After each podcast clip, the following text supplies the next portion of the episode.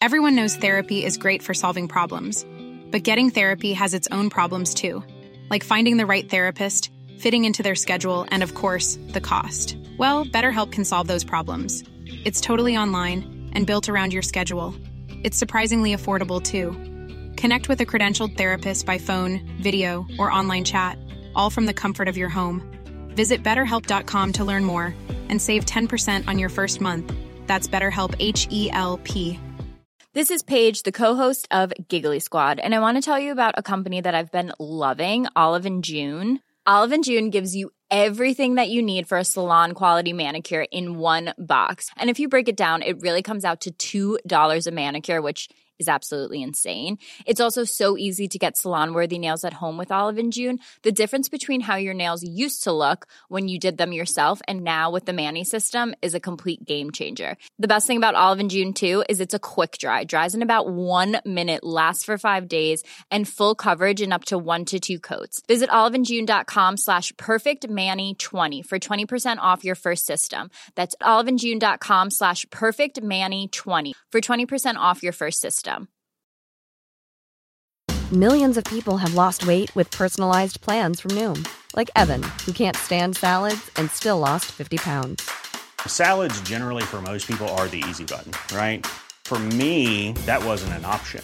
I never really was a salad guy. That's just not who I am. But Noom worked for me. Get your personalized plan today at Noom.com. Real Noom user compensated to provide their story.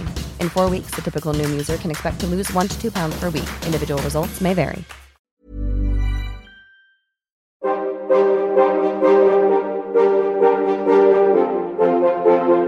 De oudheid is fascinerend. Een enorme puzzel waarvan we stukjes hebben. En heel veel stukjes ook niet.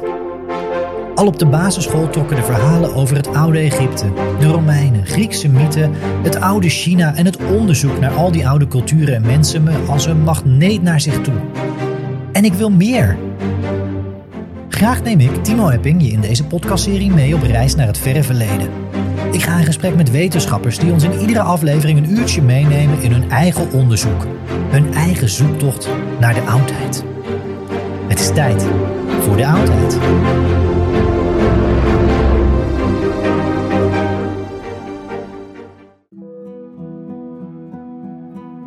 Fijn dat je luistert naar de bonusaflevering die ik opnam met professor Dr. Danielle Slootjes van de Universiteit van Amsterdam.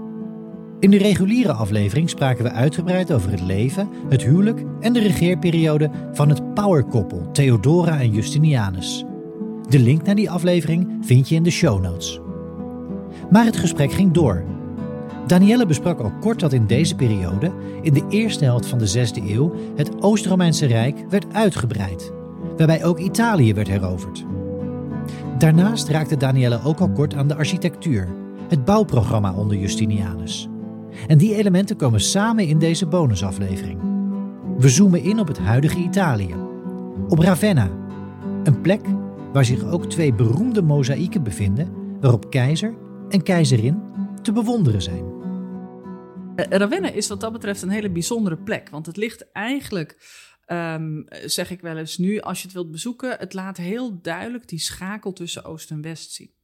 En uh, op het moment dat Belisarius, de generaal van uh, keizer Justinianus, Italië herverovert voor hem, dan zien we dat er in uh, Ravenna zelf uh, heel veel bouwactiviteit ook is. Maar die bouwactiviteit was ook al eerder begonnen. En um, tegenwoordig zijn er uh, een aantal werelderfgoedgebouwen. Vandaar dat ik ook altijd zeg, ga er naartoe, want het is gewoon een prachtige stad.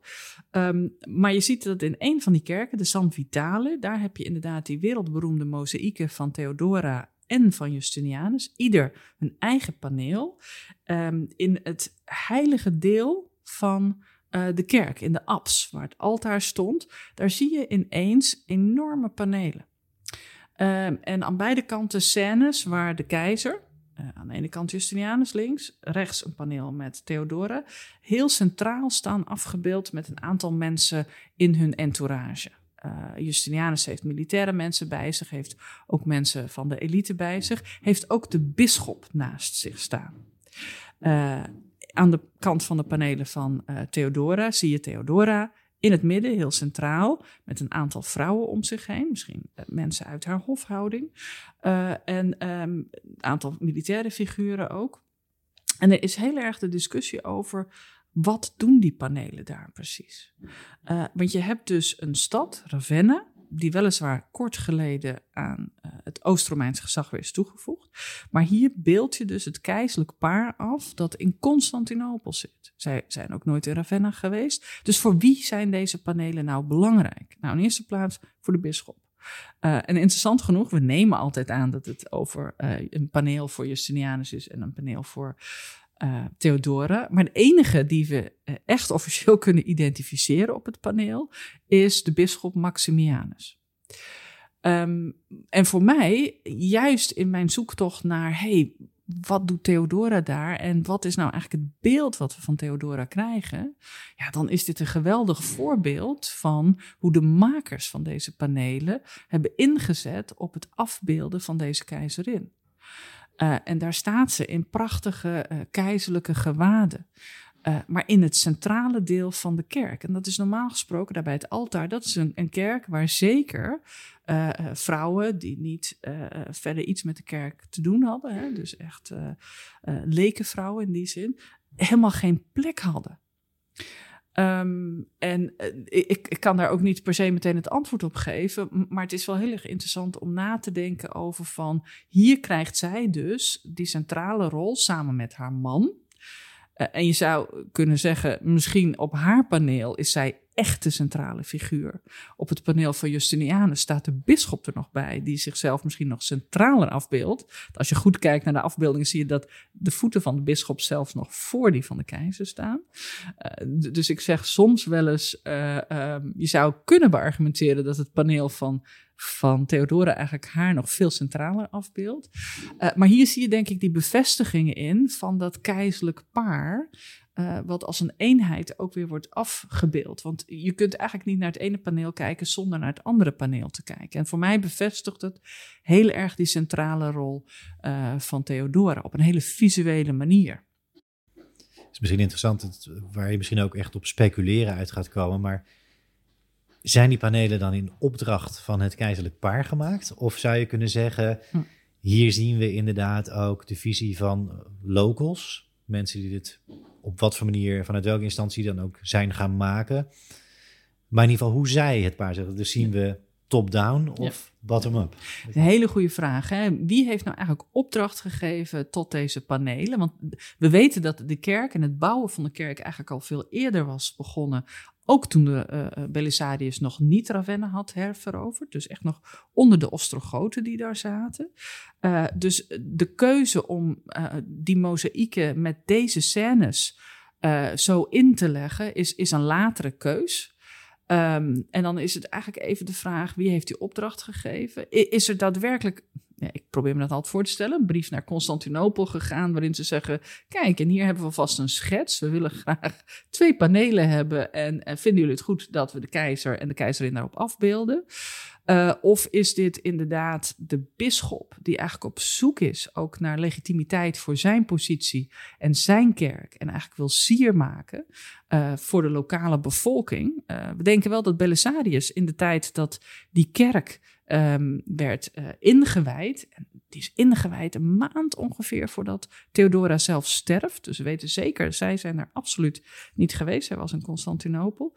Misschien is dit ook een bevestiging van de acceptatie van dat Oost-Romeinse gezag in Ravenna via die moza mozaïeken. Dus is dit inderdaad de bisschop die eigenlijk zegt: kijk mij eens. En ik word gesteund door het officiële gezag vanuit Constantinopel. Uh, dat zou zeker kunnen. Uh, en dan zou je kunnen zeggen, ja, dan worden dus eigenlijk die, de keizer uh, en de keizerin in hun uh, beeld en imago wat zal hebben van eenheid, worden eigenlijk hier gebruikt, ingezet door die bisschop. Ja, en die bisschop, overigens ook een interessante rol, want je zegt het is de enige die we echt bij naam ja.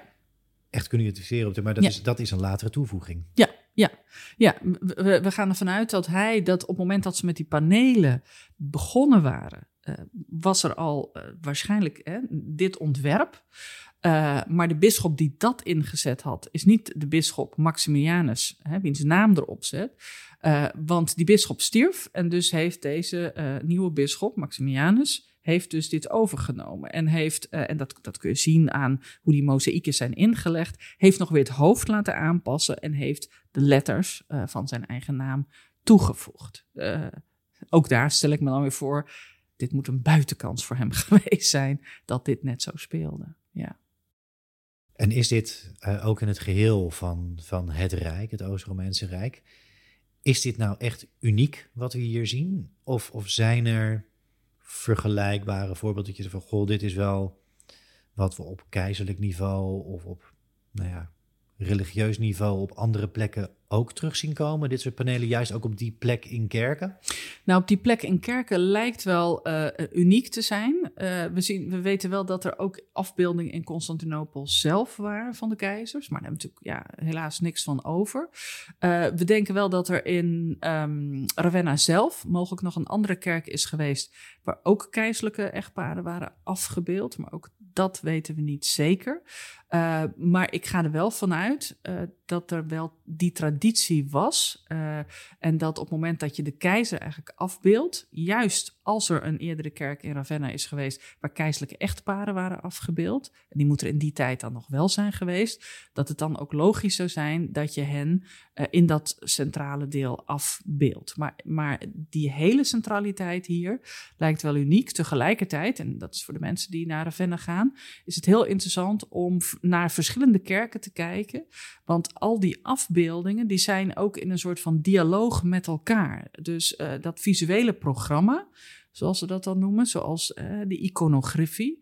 Uh, dus de, de, verschillende zaken die afgebeeld zijn in die kerken, die zijn voortdurend een dialoog met de andere kerken. Want daar kwamen mensen. Uh, en ook die mensen die die mozaïeken inlegden, waren mogelijk dezelfde kunstenaars.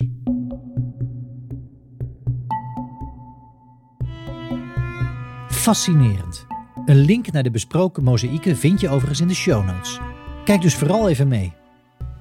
De panelen op verschillende plekken lijken dus met elkaar in dialoog te zijn. Danielle, zou je dat toe kunnen lichten?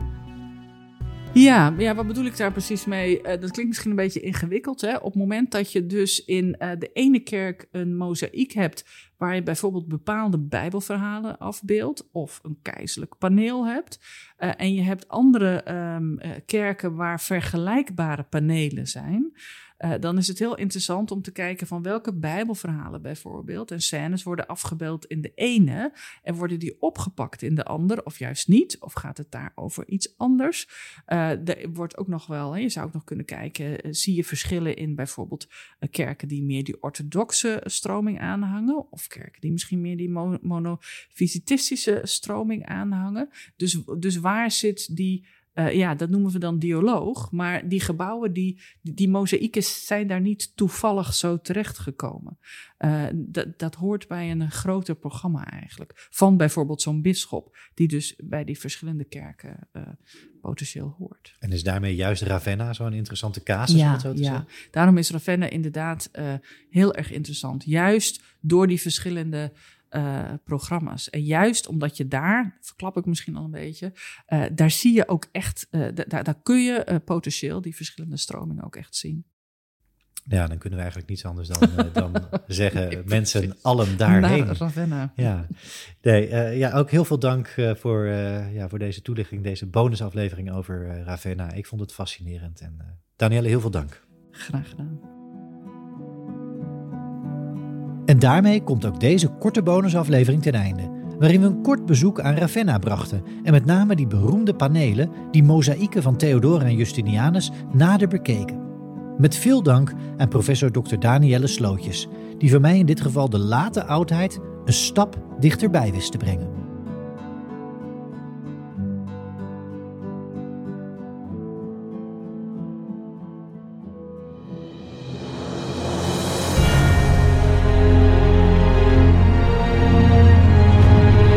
Dank je voor het luisteren naar De Oudheid, de podcast over het verre verleden.